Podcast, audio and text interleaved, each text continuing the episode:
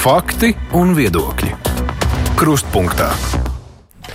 Tam sānā studijā Portālā Mana balss jau vairākus mēnešus tiek vākti parakstu iniciatīvai, kas paredz aizliegt darba devējiem prasīt zināšanas Krievu valodā. Izņēmums būtu nu vien kādiem uz eksportu orientētiem uzņēmumiem.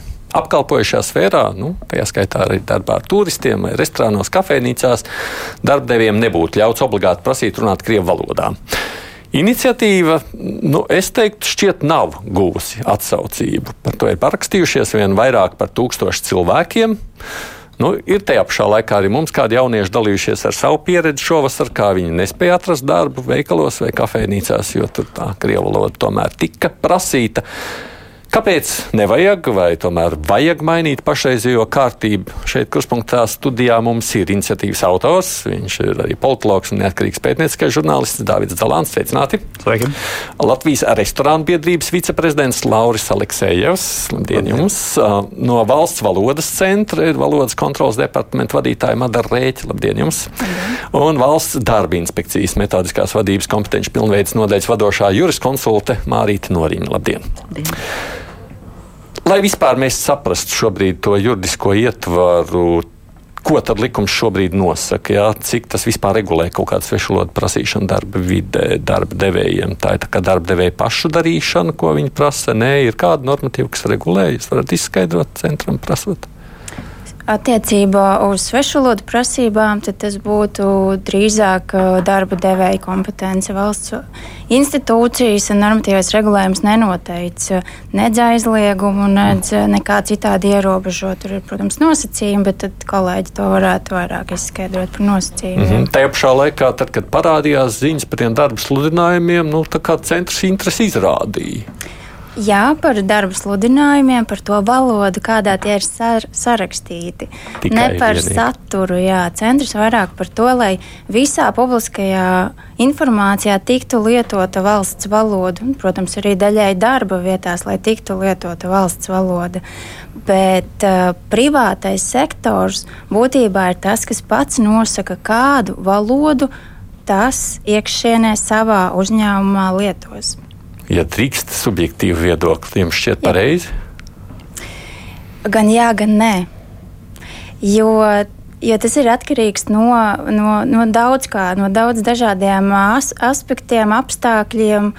Un, protams, šādā situācijā mūsu valsts iedzīvotāji, kā valsts valodas lietotāji, nav izdevīgā situācijā, ja viss ir atkarīgs tikai un vienīgi no uzņēmējiem.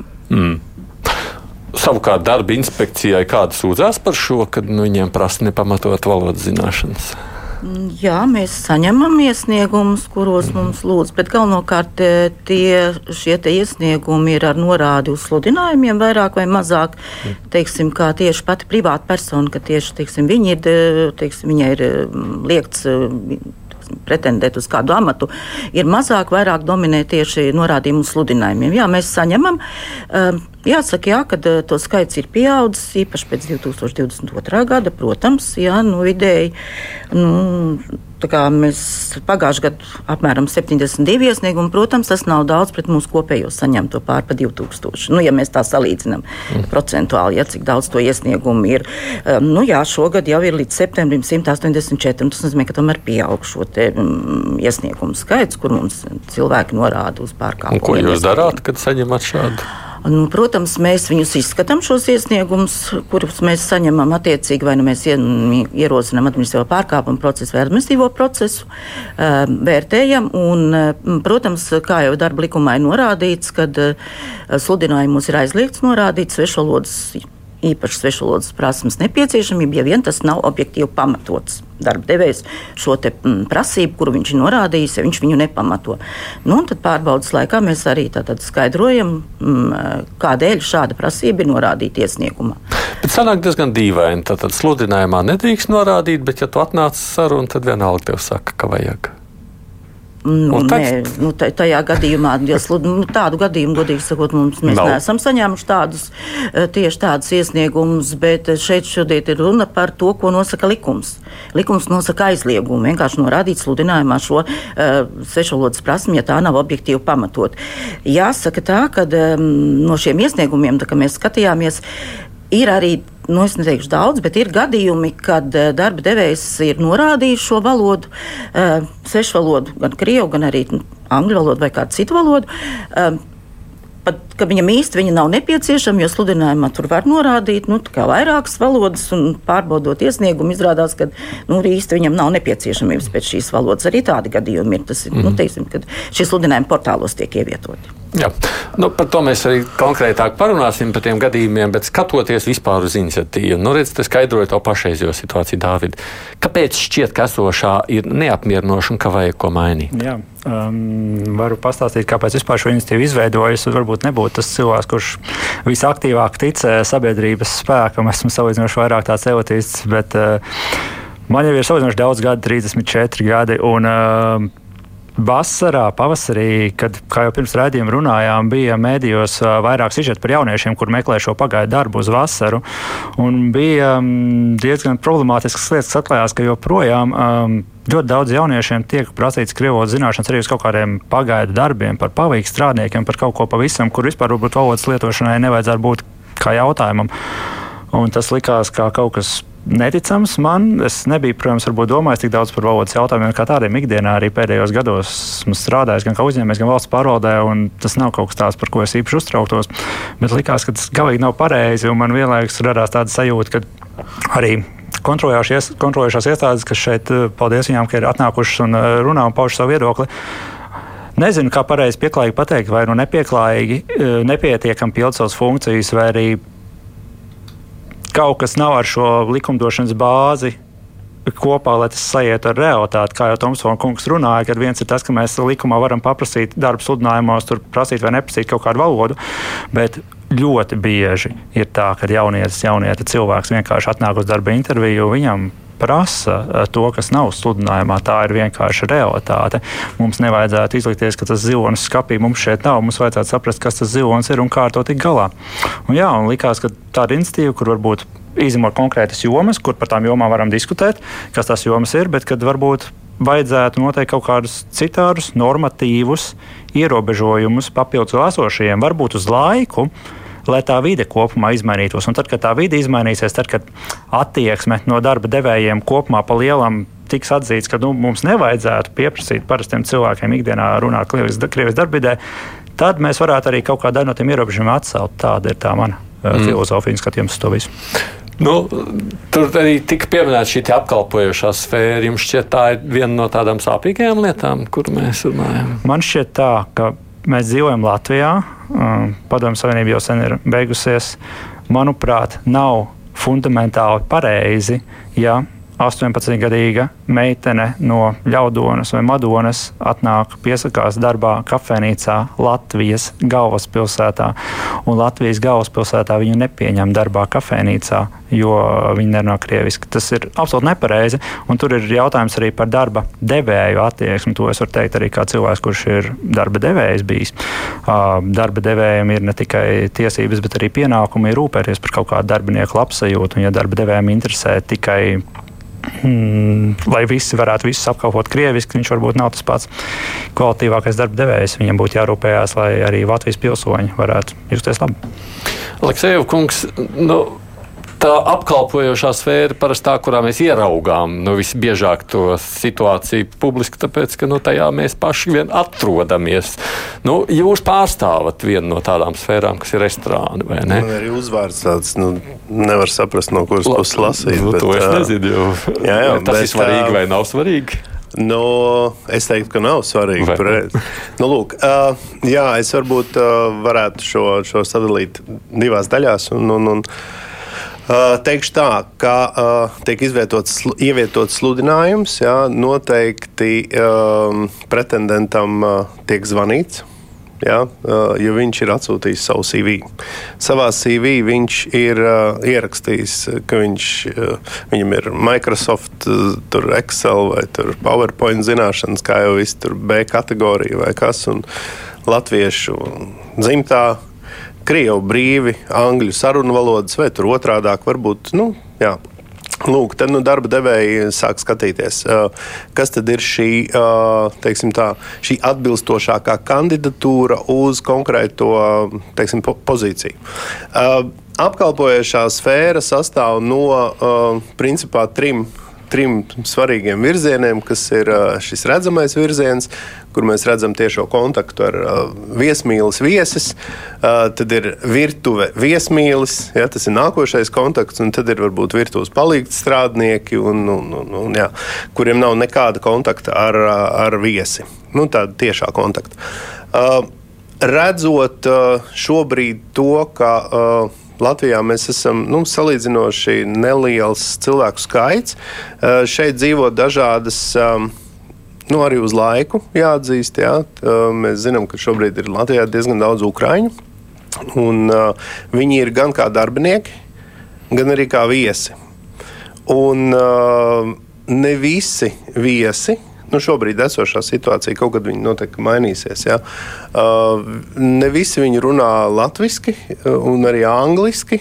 Un uh, tāpēc vien šīs sarunvalodas, šī savstarpējā sarunvaloda ja, ir krievu valoda. Uh, Tādēļ iespējams, ka arī ap, apkalpojošā sfērā veikalos ja, arī šī krievu valoda var, būt, var tikt likta kā, kā viena no, no, no teiksim, tā, bonusiem, ja, ka cilvēks pārvalda šo valodu, lai varētu komunicēt ar viesi.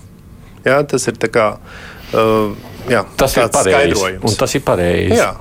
Un tas ir, uh, nu, es teikšu tā, uh, vai mums būtu vieglāk šobrīd uh, ukrāņus iemācīt angliski vai latviski. Nu, mums uz to ir, uh, mēs nezinām, uz cik ilgu laiku viņi ir šeit. Ja, um, bet es, es teiktu, ka ukrāņi, kas uh, meklē darbu apkalpojošā sfērā, ja, uh, ļoti liela daļa ir ar ļoti labiem piemēriem kas ir apguvuši latviešu valodu, vismaz pamatzināšanu līmenī, un uh, par to ir liels prieks varbūt eh, neliels komentārs par Alekseja kungu teikto par to, kas ir un kas nav pareizi. Nu, mm, es nezinu, kā Alekseja kungs. Man ir varbūt paveicies, esmu pēdējā gada laikā bijis paceļot, nezinu, Tenerifē, Slovākijā, Izrēlā, visur citur. Tenerifē bija kafejnīcā, Spānijā, kalnos, 1500 metru augstumā, maza kafejnīca, ēdienkarte tikai spāņu valodā Neviens ar manīm angļu valodā nerunāja. Ēdienu pasūtīju par apkalpojošo kultūru bija priecīgs. Piecas zvaigznītes Google ieliku, bija absolūti laimīgs. Otrs stāsts - Slovākija, Tatri pie brīnišķīga ezera Šturpska pleso. Bija ēdienkārta angļu valodā, bet meitene nerunāja angļu valodā, nerunāja krievu valodā, viņa runāja brīnišķīgā slovāku valodā. Ēdienu pasūtīja, paēdām, bija viss ļoti jauki. Tas mans komentārs par to, ka tas ir vairāk pašcieņas un attieksmes jautājums. Bez šaubām, ja cilvēks var saprast, ko viņš var pasūtīt, vai ar viņu ir obligāti jārunā viņa valodā, mm, tas ir tāds jautājums. Un, ja man ir jāizvēlās, šeit ir tāda situācija, ka nu, kādam ir jācieš, diemžēl. Un vai nu tas cietais būs tas klients, šajā gadījumā krievalodīgais klients, vai arī tas cietais būs potenciālais darbinieks vai darbinieks, kurš nedabūs to darbu. Un man kaut kā liekas, tomēr pareizi, ja mums ir viena valsts Latvija pasaulē, kad ar laiku tai situācijai vajadzētu izveidoties tādai, ka primārais ir tomēr tas cilvēks, kurš ir Latvijas uh, pilsonis. Nu, es laikam piebildīšu, e, e, es sapratu, par ko ir stāsts. Um, viņi runāja labi slovākiski, jo viņi ir līdzīgi krievu valodai, un tad bija vieglāk saprast. Ir. Bet um, noteikti es, es teiktu, ka darba devējs uh, un darba devējam nevajadzētu diskriminēt kādu darbinieku, ja, ja viņš nerunā šajā konkrētā, pieņemsim, nu, kā mēs tagad saprotam, krievu valodā. Ja, par krievu valodu ir stāsts. Ja? Par krievu, nu, jā. jā. Uh, šīs valodas zināšanas var būt kā bonus. Ja? Es uh, runāju vairākās valodās, un uh, to vienmēr esmu uh, teiksim, priekš sevis atlicis kā tādu bonusu, jo ir ļoti patīkami, ja es varu ar vācu viesiem parunāt vāciski. Uh, ar frančūžiem es varu aprunāties franciski. Ja? Un uh, ar angļiem un tā tālāk. Un tā tālāk. Un es vēl nedaudz saprotu kaut ko norvēģiski. Un, uh, tas ir manā uzturē, man tas ir tā tāds. Prieks, kad es tiem cilvēkiem varu kaut ko pastāstīt viņu valodā. Jā, jo tas ir viņu tāds, jo es strādāju apkalpojošā sfērā. Uh, vai tā ir jābūt? Ja jautājums ir par to, vai tā ir jābūt obligātai prasībai, kad runā kāds un nerunā, nē, nav, nav jābūt. Noteikti, ka nav jābūt. Mēs dzīvojam Latvijā. Bet realitātē, jā. bet realitātē tā jā. ir. Nu, mums ir jaunieši, kas ir stāstījuši visu vasaru. Jā, jā, tā arī neatrada darbu. Aizgāja uz vienu restorānu, aizgāja uz otru restorānu, nemākat krievu valodu, piedodiet, darba vietas nav.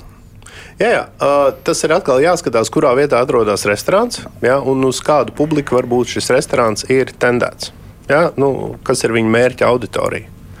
Un, jā. un kas tad ir mērķa auditorija tajā gadījumā? Kā kurā vietā? Jā. Kā kurā vietā? Kaut kur, kur ir mērķa auditorija, Krievi. Nu, Krievi ir nu, krieviski runājoši. Nu, tā laikam varētu nu, teikt. Jā, ja mēs runājam šobrīd par jā. ukrāņiem, jā, tad mums rāda astoņi ukrāņi, kuriem savā starpā nerunā ukrāņiski. Nu, pīpējot ārā, viņi nerunā ukrāņiski. Tā kā te var tā nu, daudz diskutēt par to valodu, bet uh, ja mēs par likumu runājam, tad un pieņemt vienreiz kā, nu, vai konkrēti, kas ir, vai ar, caur manu balsi, vai vēl par kaut ko, tai nav jābūt obligātai prasībai. Tas ir varbūt mans personīgais viedoklis. Nu, proti, tas nozīmē, ka jūs atbalstītu tas, ko Zalāna vai, vai, vai vajadzētu uzreiz konkrēti paņemt un aizliegt šobrīd. Kā, nu, tam ir noteikti jābūt kaut kādam pārējais procesam. Uh, Un es vēlos vēl, vēl kaut ko atzīmēt, ka uh, jaunieši pirms desmit gadiem un jaunieši šobrīd. Ja, lai arī viņiem ir latviešu vārdi un latviešu uzvārdi, ja, vai arī krievu vārdi un krievu uzvārdi, ja, lielākā daļa man ir spilgti piemēri manā darba vietā, kur ar vārdu Aleksandrs Gromovs Ja, ko mēs saprotam tāpat kā Aleksējos, ja mēs, viņš runā tīrā latviešu valodā. Un, un tas ir. Un, Tā tas ir, un tā ir tā paudze, tā ir tā šī brīža paudze un nākamā paudze, ja, uh, kur es teiktu, ka uh, tas viss izkristalizēsies un saliksies uh, savā vietā. Nu, Ieviet, man tā šķiet. Piebilst, David. Nu, pavisam īsi par to, ka tās mērķis jau ir tās kultūras maiņa. Tas mērķis ir arī vietējā purciema restorānā. Cilvēki dzīvo tur arī pārsvarā. Krievijas valodā, ģimenēs runājoši un tam līdzīgi, bet mērķis ir saprast, ka mēs visi dzīvojam Latvijā un laika gaitā mums vajadzētu mm, saglabāt savu valodu. Tas nozīmē, ka arī cilvēkiem, kuri šobrīd ir krievodīgi, vai viņu bērniem vajadzētu vismaz labā līmenī pārzināt latviešu valodu, un, diemžēl, vai par laimi, darba vide ir tā, kur vienīgais šis integrācijas process ir iespējams, jo savā privātajā telpā cilvēki runās tādā valodā, kādā viņi grib. Līdz ar to tikai tā darba vide ir tas, kur mēs varam kaut kādus normatīvos ierobežojumus uzlikt, uh, lai sabiedrības integrācijas procesu veicinātu. Diemžēl tas tā ir, vai arī otrs variants ir mainīt kultūru, nezinu, ar politiķu, žurnālistu un citu cilvēku palīdzību, bet to mēs redzam, ka tie viedokļi ir tik dažādi, nu, kamēr netiek izkristalizēts kaut kāds viens viedoklis, kas dominē sabiedrībā par to, ka nu, kopumā latviešu valodā vajadzētu runāt visiem visiem, tikmēr tas kultūras mainīšanas process būs vājāks un vajadzēs to normatīvo regulējumu kaut kādu, lai iet uz priekšu ar integrāciju. Noriņš kundze, jūs kā jurists, ko jūs sakāt vispār par domu pašu? Nu, mēs varam arī nonākt tādās pretrunās, es klausoties, piemēram, pie situācijas, tad mums ir jāaizliedz principā, nu, ja mēs runājam par pakalpojumu sniegšanu šauri, jāaizliedz cilvēkam sniegt pakalpojumu citā valodā, kā vien vienīgi valsts valodā pēc būtības. Jo, teiksim, varētu jau būt arī tas um, krievu tautības cilvēks, kurš ļoti labi runā latviešu, un viņam visas zināšanas ir, viņš ir pieņemts darbā, bet ja viņam klients būs, piemēram, um, nezinu, nu, kaut vai angļu valodā, vai nu, nav jau svarīgi, vai krievu vai ukrāņu, tad tas nozīmē, ka, ja viņš zina šo valodu, tad viņš, viņam ir tomēr jāsniedz šis pakalpojums latviešu valodā noteikti. Un tas būtu pareizi? Es nesaku, ka tas ir pareizi. Es vienkārši Jūs... klausos, kā tas notiek. Jo šobrīd es vēlreiz gribu teikt, ka no norma, nu, kā no darba inspekcijas uzraudzības viedokļa, kas ir mūsu uzraudzības viedoklis, mūsu kompetence noteikta, manuprāt, šobrīd ir pilnīgi pietiekams regulējums uh, un ierobežojumi attiecībā no nu, darba devējiem. Cita lieta ir situācijas, kad, uh, kā jūs pareizi arī teicāt, ne jau vienmēr viss piesakās darbā, un ne jau tikai caur intervijām, ne jau tikai caur sludinājumiem, kā mēs zinām. Un tad ir nākamais ceļš, ja mēs sakam no uzraugošo institūciju viedokļa, tas ir pierādīšanas veids. Un tad, kad tā saruna notiek viens pret vienu, un arī gadījumos, ja mēs saņemtu šādu informāciju, nu, kurš atzīsies? Nu, proti, jūs sakāt, nu, ka, ka to nav jēgas grūti, darīt, tādam, tāpēc, ka nevarēs ne, pierādīt, ka nepieņem darbā pierādāms dēļ, ja? tas fakts, jā. Viņš ir ļoti grūti pierādāms. Jā. Vai kontrolējošās institūcijas kādreiz ir darījušas tādu absolūti inovatīvu lietu, kā vienu mēnešu laikā nosūtījušas pieteikties darbā divus CV, kuri abi ir identiski, nomainot cilvēku vārdu ar vienādu izglītību, vienādām spējām un tam līdzīgi. Tikai vienā CV norādot, ka cilvēks māca perfekti krievu valodu, un otru nē. Nu, nē mums tāds kompetence, nu, teiksim, nē, jums ir tāda kompetence, jūs to neesat darījusi vienkārši.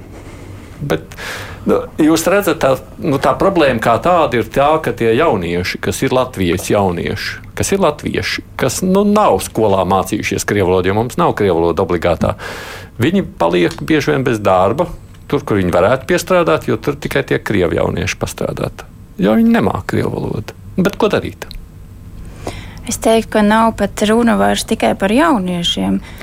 Piemēram, valsts valodas centrs saņem arī um, nu, jautājumus no darba ņēmējiem, ko darīt.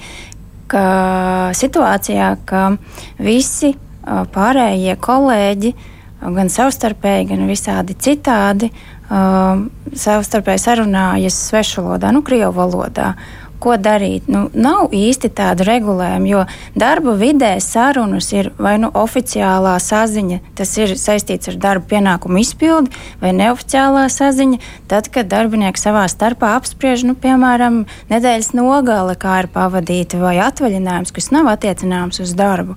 Līdz ar to kā nošķirt, kad ir oficiāla saziņa, kad ir neoficiāla saziņa starp darbiniekiem, un vai mēs vēlamies aizliegt ka darbinieki savā starpā nevā, eh, nesarunājas krievu valodā. Tas ir tas, ko es laikam šeit sapratu. Kā izskaust krievu valodu no mm. darba vides.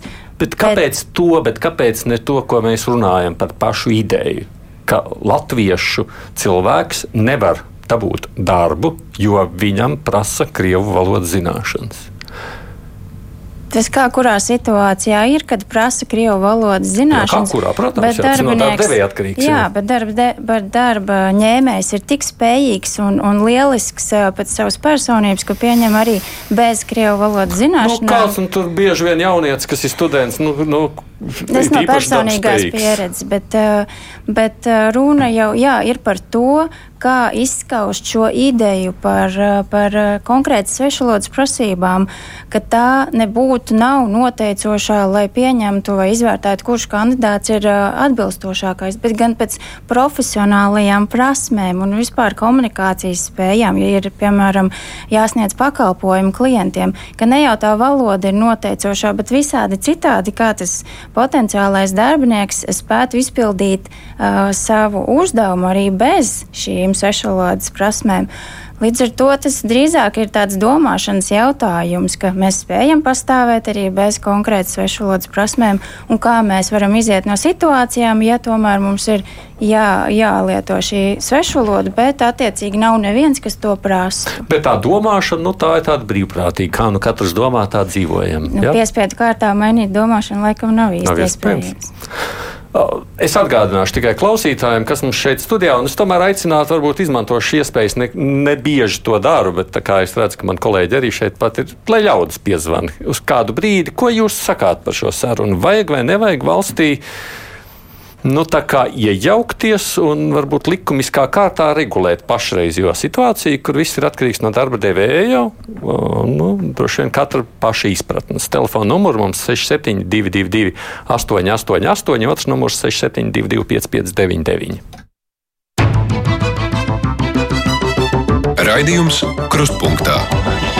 Un pirms es uh, sagaidu jūsu zvanus un lasu, ko jūs rakstāt, arī es tikai atgādināšu, šeit studijā mums ir no Valsts valodas centra Madara Rēķa, no Valsts darba inspekcijas Mārīta Noriņa, no Latvijas restorānu biedrības Lauras Aleksējevs un Dāvids Zalāns iniciatīvas autors portālā Mana balss, kurš, nu, kur par šo tematu arī tiek vākti paraksti.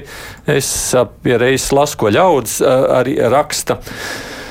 Nu, ir dažādi viedokļi arī šeit, kas par nonsensu, lai cīnās un mācās pēc iespējas vairāk valodu. Mums taču jokaidī ir konkurence. Konkurence ir konkurence. Sakot, jo vairāk valodas, jo labāk. Nu, tā ir vai ne, Dāvid? Es pilnīgi piekrītu. Nu, es nevaru teikt, jo vairāk valodas, jo labāk, bet katrs valodas zināšanas cilvēku padara profesionālākiem. Mm. Nu, labi, ceļām klausuli. Halo! Uh, labdien! Labdien! Jūsu viedoklis par šo tēmu?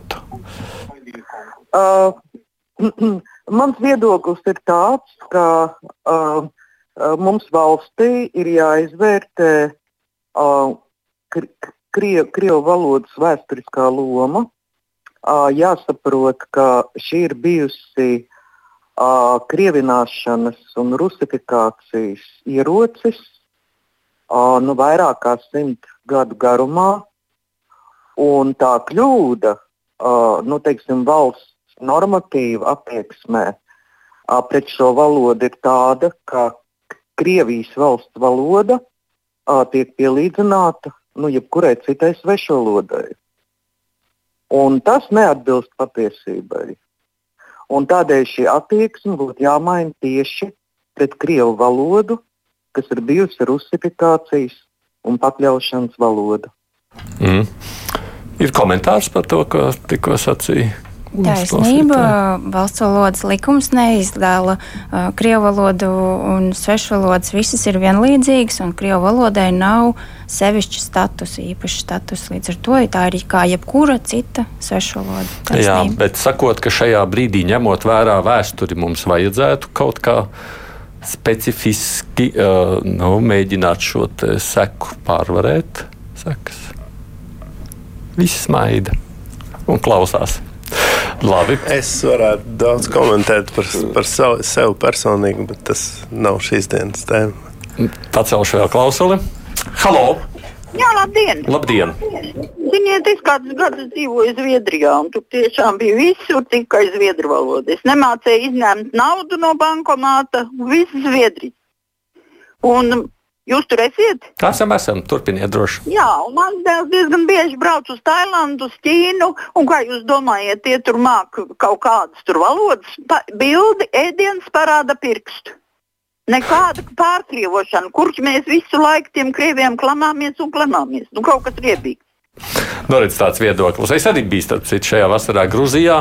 Man par lielu pārsteigumu es biju domājis, ka es tur tomēr kādos veikalos varētu iztikt ar vai nu krievu vai angļu valodas zināšanas. Bet nu, bija nevienā veikalā, kur nemāk nevienu ne otru. Nu, kā nu mācēju, tā nu sarunājāmies, kas nozīmē, ka Grūzijā darba devēji neprasa saviem veikalu pārdevējiem vai restorānos apkalpojošajiem krievu valodas zināšanas. Bet kāpēc tad jūsuprāt mūsu darba devēji tik ļoti naski ir uz šo?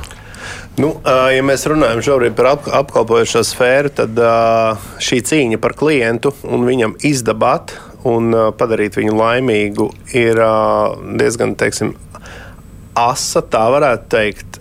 Šī konkurence starp restorāniem viņa tomēr ir. Mēs laikam jā, esam priecīgi ka mūsu, nezinu, ne konkrēti mans, bet nu, jebkurš restorāns ir, ir, pil, ir pilns ar viesiem un katrs krēsls ir aizpildīts. Un, uh, iespējams, ka tas ir tas, uh, tas ir tas pakalpojuma viens no veidiem, kā tāds bonus, bonus punkts, ka uh, mūsu viesmīļi arī spēja sazināties konkrēti iepriekš minētajā svešvalodā. Proti, tās bažas, ka, ja es vienreiz viņu runāšu latviešu, viņš vairs uz manu restorānu nenāks, viņš ies pie kaimiņa. Uh, mm, labi, esam realisti. Katrā restorānā ir kāds. Uh, uh, Cilvēks, kurš uh, pēc uh, tautības nav latviečs.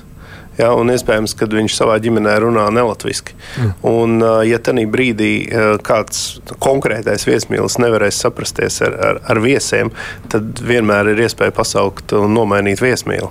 Ja, tā nav nekāda problēma.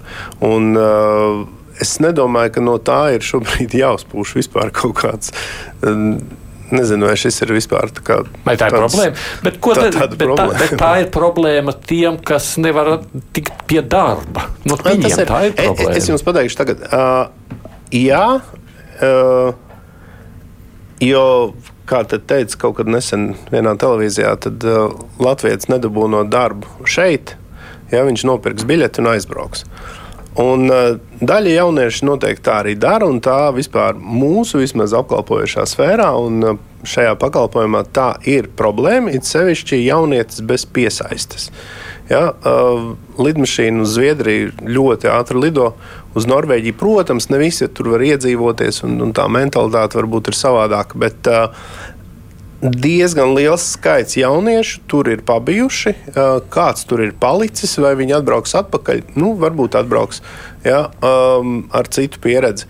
Un norvēģu valodas zināšanām. Noteikti. Tas, ka, bet jums darbinieku netrūkst. Nu, nav tā, nu, kā, nu, pro, protams, ka trūkst. Nu, visiem trūkst darbinieku. Visiem trūkst darbinieku, bet ar visu jā. to pie tās krievu valodas tomēr turas. Uh, es negribētu uzreiz par visu sfēru tā, mm -hmm. tā, tā pateikt, bet uh, tas tiek uzskatīts kā, kā tāds kā plusiņš. plusiņš. Tas, tas tiek uzskatīts kā plusiņš, ja uh, jaunietis runā ne tikai latviešu valodā. Mm, jā, Dāvid. Es varbūt, mans tas ieskats ir tāds, ka ir ļoti pareizi, ja cilvēks ir uzņēmējs un uzņēmēju viens no galvenajiem galvenais mērķis ir pelnīt naudu. Līdz ar to, kā es redzu visu šo jautājumu sabiedrībā kopumā un risinājumu, es noteikti neredzu risinājumu no uzņēmējiem. Paskaidrošu, kāpēc. Tāpēc, ka uzņēmējs, esmu bijis uzņēmējs, uzņēmēji vēlas nopelnīt naudu. Ja viņi var nopelnīt naudu vairāk panākot pretī klientam, viņi to darīs. Vienlaikus Latvijas uzņēmēji ir gudri, viņi spēj pielāgoties. Ja agri vai vēlu Latvijas sabiedrībā tā skaitā EVT, politiskā EVT radīsies konsensus kaut kāds, ka mums tomēr ir jānodrošina normāli apstākļi cilvēkiem, kas runā latviešu un tikai latviešu, tā skaitā kā darba ņēmējiem. Ja tiks izstrādāts kaut kāds vismaz labāks nekā šobrīd normatīvais regulējums, un tad uzņēmēji būs spiesti to pieņemt, viņi pieņems, viņi pielāgosies. Tas vienkārši tā notiks. Tas, kas ir nepareizi, kad šobrīd piemēram, būtu kāds restorāns, kurš ir labs restorāns, un viņš kaut kādā ziņā varētu zaudēt klientus, jo viņš speciāli panāktu pretī tikai tiem cilvēkiem, kas runā latviešu. Tas nav pareizi. Svarīgi ir, lai ir pareizi, ka visiem ir vienādi spēles noteikumi, un tie, kas panāk pretī tiem cilvēkiem, kur runā tikai latviešu, tie nezaudē vai nu darbinieks jā, vai klients. Es, Tas ir pareizi. Jā, es uh, tagad vēlos drusku, nu, ja drīkst. Jā, jā. Um, ir tā, ka restorāns un viesmīlis un apkalpojošā sfēra nav tikai pasūtījuma pieņemšana. Ja? ja mēs runājam par pasūtījumu pieņemšanu, tad principā viss modernā pasaule iet uz bakstīšanu, uz aplikāciju, ja? uz QR kodiem un vispārējo. Uzklikšķinot uz QR kodu, iespējams, ka Spānijā citu tā arī ir. Nu, ja? Tur uzreiz tavā izvēlētā valodā tur visu var dabūt, ko grib. Nu, kā minimums angliski. Ja? Um, ja mēs runājam par ēdienu atnešanu, nolikšanu, pasmaidīšanu un vīnu ieliešanu, protams, bet tas ir puse no darba. Tā otra puse no darba tomēr ir šī komunikācija, un ne tikai smaids ar nesaprašanu, ko viens runā un ko otrs saka. Ja? Tas ir kontakts. Ja? Tas ir kontakts, un tikai tā arī veidojās, jā, veidojās šī, nezinu, šī ši, šis bizness un šis, ši, šī darba vide, jā, kā, kā mēs varam sasniegt labus rezultātus. Tā ir skaitā. Labi, pacelsim atkal. Mums ir divi ļaudis, kas gaida jau sarunu rindā. Halo! Halo. Jā, lūdzu, jūsu viedoklīts. Halo. Jā, lūdzu, es dzirdam jūs, jā. Uh, labdien! Labdien. Es gribēju pateikt tādu lietu, ka man liekas, ka šī saruna pilnīgi nav līdz galam tāda pareiza, jo ne Igaunijā, ne Lietuvā neviens nemokās ar krievu valodu, ne padomu laikos mocījās, ne tagad mokās. Tur primārā ir sava valoda. Un ja būs labs restorāns vai kafejnīca, tur iet vienalga ķīnietis, francūzis vai krievs Un, ja viņam būs tiešām tāda slava, ka cilvēki brauc uz konkrētu valsti un iet uz konkrētu restorānu, un tur nebūtu negaida krievs un neklanāts krieviem, tā kā pie mums to nu grib izdarīt, ka bez krieviem te neiztiks. Paies gadi kaut kādi un iztiks vienkārši lieliski. Tas nav primārais krievu valoda. Pilnīgi un galīgi ne. Ne Lietuvā, ne Igaunijā tā nav. Nu, labi, jā, paldies. Pirms es ceļu otro cilvēku, kurš gaida vēl pie klausulas. Nu, daudz ko nosaka mūsu mentalitāte. Nu, tāda, kāda mums ir latviešiem, tāda nu, viņa šeit ir. Bet uh, tas, ko sacīja klausītāji, nu, laiks noliks visu vietās. Ko saka Dārvid par to? Nu, Paidoši vien jau nu, tie jaunieši, kas joprojām nemāk krievu valodu, jau pēc desmit gadiem nepavisam neiemācīsies. Laiks noliks visu vietās. Laiks noliks visu vietās. Manuprāt, būtu vērtīgi un svarīgi kaut ko darīt šobrīd, lai no otras puses mēs nenonākam tā, ka tagad man 34 gados bija jālasa internetā ziņa, ka kāds cilvēks nedabū darbu, jo viņš ir no madonas un nemāku krieviski, es negribētu pēc 20 gadiem to lasīt. Es negribētu to lasīt. Tam liekas, ka es kaut ko esmu darījis nepareizi, vai kāds cits nav izdarījis kaut ko, ko viņam būtu jāizdara. Mm. Vēl viens zvans. Halo! Halo! Halo! Jā, lūdzu, dzirdu. Mhm. Jā, jūs dzirdat mani. Jā, dzirdu. Es domāju, ka lielākā problēma ir uh, mazliet citur. Tā problēma ir tajā, ka krievu valoda nav vispār Eiropas Savienības oficiālā valoda. Sāksim ar to. Līdz ar to skolā mācot krievu valodu, mēs mācām valodu, kur pazemina latviešu bērniem konkurences spēju. Krievu bērni dabū skolā divas svešu valodas, Eiropas Savienības bez latviešu valodas. Savukārt latviešu bērns mācoties krievu valodu un mācoties vienu Eiropas Savienības valodu, automātiski tiek pazemināts savā konkurences spējā pirmkārt, Otram kārtam Eiropas institūcijās, kur vajag divas vismaz oficiālās Eiropas Savienības valodas, viņš nemaz nevar iestāties. Es zinu gadījums, ka latviešu bērni nevar aiziet uz Eiropas kopienas tiesu, stažēties vēl kaut kur, jo vajag divas oficiālās valodas. Latviešu bērniem tādas nav. Labākā gadījumā ir viena un krievu. Krievu nedara. Savukārt, uh, krievu bērns aiziet no krievu skolas. Viņam ir vācu, angļu, der, vācu, teiksim, angļu, franču, der. Beig, mums tas ir jābeidz. Skolās ir jāizliedz mācīt faktiski krievu valodu. Tas, tas latviešu bērniem pazemina izglītības standartu. Ir... Nu, šīs jautājums tiek, es saprotu, pat laikam arī kustināts uz priekšu politiski, tur ir lēmums tiek arī jau pieņemts, bet ja skatāmies savukārt atgriežoties pie šīs esošās situācijas. Es par tiem darbu sludinājumiem, nu, jums nav no otras puses tāda sajūta, nu, ka jūs tāda nu, darāt tādu diezgan tukšu darbu. Nu, sludinājumos nedrīkst, bet realitātē aiz muguras jau tāpat visas lietas notiek. Nē, es tā neteiktu, kāpēc jūs tā domājat. Mēs, es nedomāju, es domāju, relatīvi teiksim, arī tas procentuālais gan iesniegums skaits, kas viss norāda, ka uh, es pieļauju, ka viņa daļa vispār arī tā kā atsaka un atsaka un arī nu, neko neuzsāk. Bet um, šobrīd, manuprāt, tas regulējums ir pietiekams. Es vēlreiz gribu uzsvērt, ka um, mēs jau šeit runājam par, par, par, par, par to, vai tur vajag vai nevajag, vai vēl kaut kā. Bet likums jau pats pasaka, ka pēc būtības, ja tas ir pamatots, pamatots. Jo nu, tam pamatojumam ir jābūt. Ja viņi ir pamatoti, tad šo svešu valodu var prasīt. Tas, Bet, ja viņa nav tas, pamatota, tad nav pamata. Jā, tas, prasīt. ko saka restorānu jā. biedrības pārstāvis, jā. prasīt viesmīlim ir pamatoti. Mm, nu, es nezinu, tas jau ir jāvērtē noteikti. Nu, kurš vērtē? Kurš vērtē?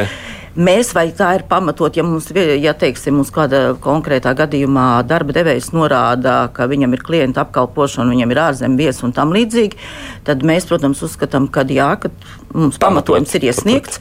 Savukārt, Savukārt, vai tas tiešām tā ir un tam līdzīgi, tā jau vairs nav gan, diemžēl, mūsu kompetence, un mēs tālāk nemeklējam. Tieši, mēs tagad runājam par viesmīlības nozari, bet bez tās vēl ir vesela rinda pilnīgi citu jomu kur, piemēram, nu, nezinu, piemēram, kādiem kas? projektu vadītājiem ne, ne, vai vēl kaut ko. Mēs, es jā, apzināti šobrīd skatāmies pakalpojumu sfērā. Partneri, jā, jā, mēs jā. par eksporta nozarēm nerunājam, bet ja mēs skatāmies, pieņemsim, kasierim prasīt krievu valodu, kasē sēžot, ir pamatot vai nav?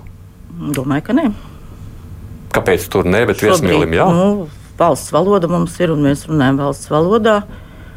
Nu, tā droši vien ir analoģiski tā kā viesmīlība. Nu, ja viņiem kāds uzrunā, ja viņi zina šo valodu, tad viņi var runāt. Bet, eh, bet tā ir valodas lietošanas jautājums. Nu, teiksim, tā vai, vai vajag vai nevajag lietot, bet vai ir pamatota.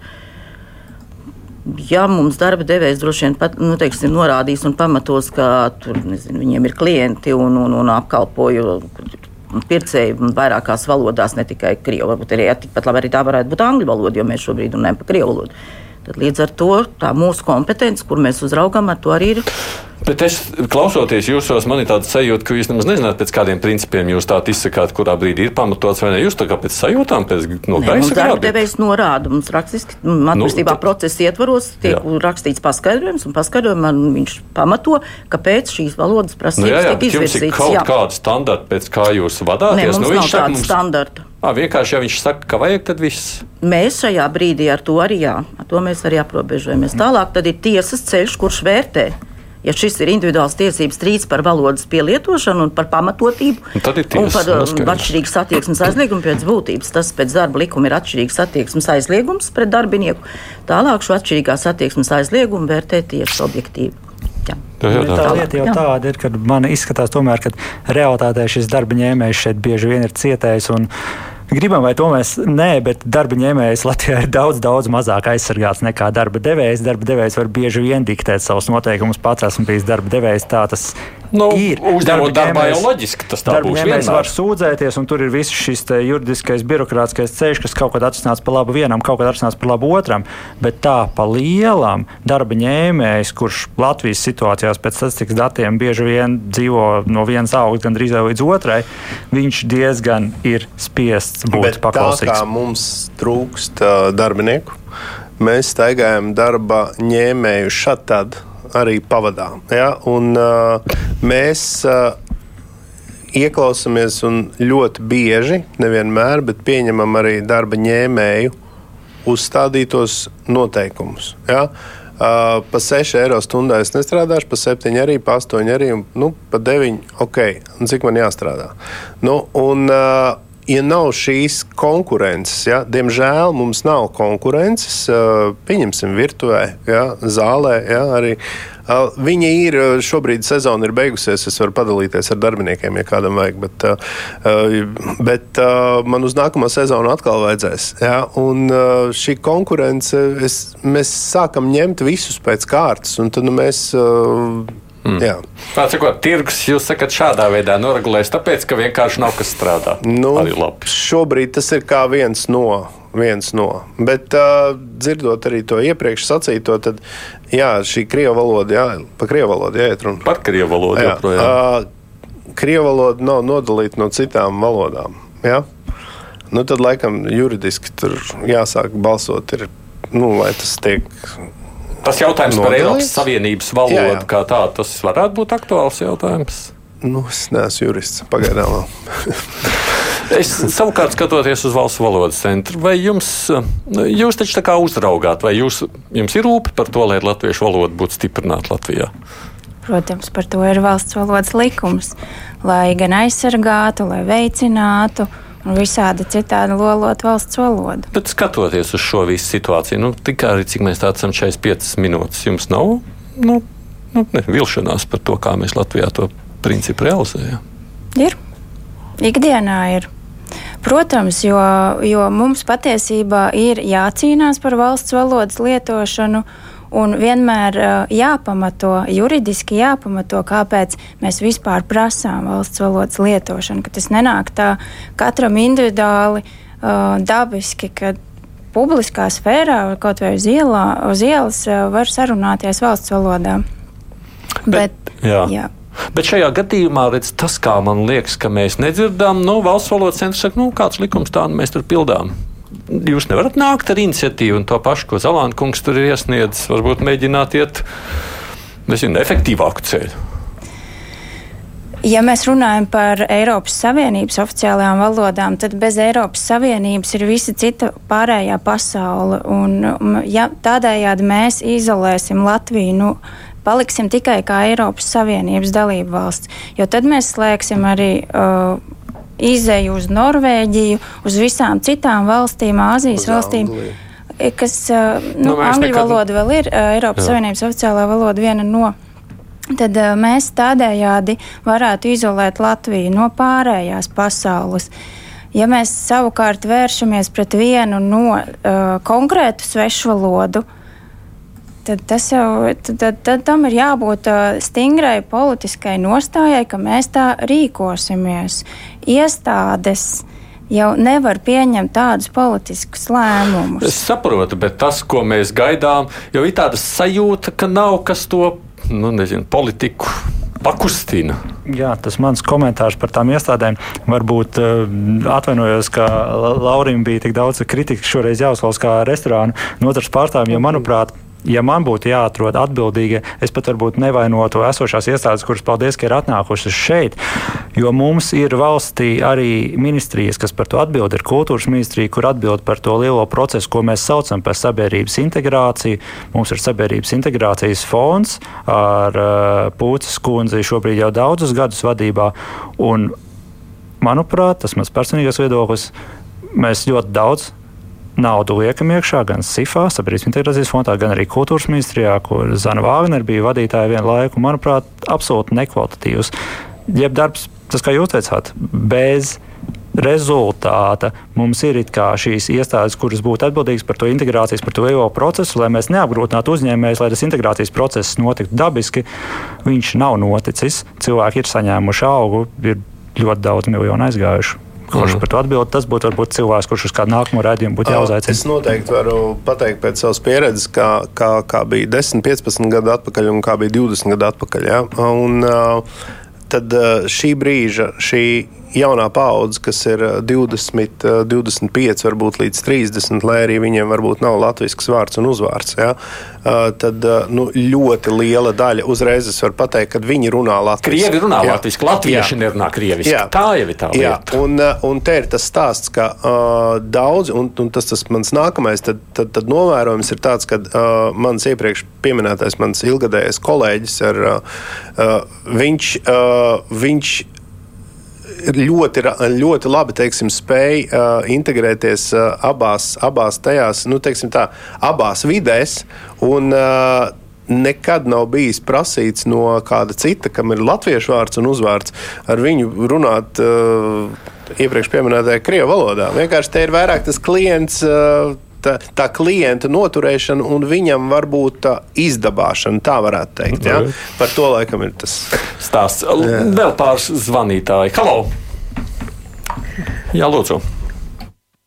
Halo! Jā, jā, droši runājiet. Mm -hmm. Labdien! Labdien. E, šī radījuma pieteikumā dzirdēju, kā portālā mana balsovē. Mm -hmm. e, tieši e, par šo normu arī ļoti lielām grūtībām mēģina savākt tās balsis. Es arī nebūtu zinājis, ja nebūtu dzirdējis to raidījumu pieteikumu. Ir kā esot tikai kā par brīnumu tūkstots balsis no cik tur ļoti vairākiem tūkstošiem vajadzīgajiem. Es priecājos, ka varēju to pieminēt lai vēl vairāk cilvēki sadzird. Nu, var sakot, mums sanāca reklāma. Jūs parakstu vākšanas kampaņai vēl pēdējais zvanītājs. Halo! Halo. Jā, lūdzu. Uh, jā, labdien. labdien. Pirmkārt, man tas jautājums jums, uh, vai es drīkstu sevi saukt par pribaltieti, jo es dzīvoju šeit jau 30 gadus, nu jūs redzat, ka daudz maz labi runāju latviski, bet vēl viena lieta ir, par kuru neviens nerunā. Un tad uh, redziet uh, savu krievaldīgo paziņu starpā, ja man it kā jākautrējas, ka es tik brīnišķīgi runāju latviešu, ja salīdzinot ar viņiem, ja, un tad viņi var man pat uh, to pārmest, ja, un tad ļoti dīvaini tas izklausās, izskatās, ka mana dvēsele ir raustat nost. Kā tā vispār var būt? Nu, jo man tieši otrs ir jālepojas, tieši otrs ir jāapskauž man. Ko es par to domāju? Nu, ko es tur varu par to domāt? Ja jūs pats nu, nekautrējaties, tad es domāju, jūs arī varat lepoties ar to, ka jūs brīvi runājat latviešu valodā. Nu, tik cik jūs, protams, spējat ar to savu akcentu tajā visā sadaļā. Nu, jums pašam nav Dāvid vilšanās par to, ka tiešām tikai pār pa tūkstoši cilvēki bija pamanījuši šo sarakstu vākšanu. Man eh, nav vilšanās. Es varbūt tā, es pat tāpat ir daļēji mana atbildība. Es pēc iniciatīvas uzstāstīšanas nevarētu teikt, ka izsūtīja ļoti daudz preses relīzes. Šī iniciatīva šobrīd izskan jūsu raidījumā. Viņa nav izskanējusi Latvijas televīzijā nevienu reizi, nav pieminēta. Latvijas televīzijas ziņdienas direktore nav ar mani sazinājusies un nav īpaši ieinteresēta bijusi uh, Latvijas iedzīvotāju darba tiesību uzlabošanā. Es ceru, ka varbūt tas notiks. Tad jau es domāju, ka tāpēc varbūt tas parakstītājs skaits ir tāds man būtu interesanti pēc kāda mēneša paskatīties, kāds viņš ir. Jā. Mm. Nu, labi, redzēsim, varbūt ļaudis pēc šīs dienas raidījuma atsauksies. Es jau drīkst savukārt aizdomājos par vēl vienu aspektu, ko es gribu raidījuma beigās paskatīties. Jūs teicāt, ka to būtu grūti pierādīt, vai ne? Ja tajā brīdī kāds darbdevējs pieprasa valodu. Uh, bet mums jau, kā zināms, ir um, nu, pasaulē neviena cita veida diskriminācijas, kurās arī bieži vien darba devējs nu, kaut ko prasa, un darba ņēmējs uzskata, ka šī iemesla dēļ viņš nav paņemts darbā. Vai nav tā, nu, tagad ir jums profesionālā viedokļa, ka mēs varbūt pārāk, pārāk maz tādus precedents radām, varbūt mums esam pārāk mazspējīgi juristi, kas nespējam šādas lietas pierādīt tiesām? Jā, diemžēl es arī paskatījos, nākot uz redzējumu, tiesu praksi un judikatūru. Mums nav neviena gadījuma. Neviena. kas vienmēr jau tiesību normas un tam līdzīgi jau veido judikatūru, arī veido tālāk visu šo te. Mm, tiesību normu pilnveidošanu un tam līdzīgi. Līdz ar to šādu nav jādiem, nu, jāsaka, laikam, nezinu. Tiesneši teikt, ka, bet es saku, diemžēl. Ja, jo mēs arī redzētu, ka visās citās jomās, kur ir darba tiesības, mums ir judikatūra ļoti labs, nu, dod iespēju arī pašiem pilnveidoties un teiksim, arī saprast, arī vairāk pilnveidot normas piemērošanu konkrēti. Bet attiecībā uz sludinājumiem, pat pat par sludinājumiem kā tādiem. Es nerunāju konkrēti par valodas zināšanu, bet teiksim, arī tur ir arī cita aizlieguma sludinājumā, ko nedrīkst norādīt, vai kas ir jānorāda un nav norādīts. Nav neviena tiesa prāta. Neviena. Nu jā, tas arī protams, Iespēj, ko... Iespējams, jā, es jums varētu piekrist, ka vienkārši varbūt nu, ir, ir nav, nu, nav tik aktīvi. Jā, jo, protams, es arī varu piekrist tam, ka eh, nu, arī tiesa to ir atzinusi, ka darba tiesiskajās attiecībās jau darbinieks ir vājākā puse. Protams, tas ir arī tiesa ir atzinusi, protams, jo viņam nav pietiekami tādu instrumentu, kāda ir darba devējiem. Ja, protams, bet eh, tāpat laikā citos jautājumos ir, ir, ir ļoti laba un, un izmantojama tiesa prakse. Nu, šīs jautājumos jau būtu interesanti tiešām skatīties, kā tiesa to vērtē, teiksim, šos papildus apstākļus, šos pamatojumus. Iet, Jo tiesa praksa arī pilnveidojās citās jomās par darba tiesībām, kur agrāk teiksim, mums pasaka, ka jā, tiesa nejaucās, bet kur jau tagad tiesa skatās jau padziļināt tās lietas.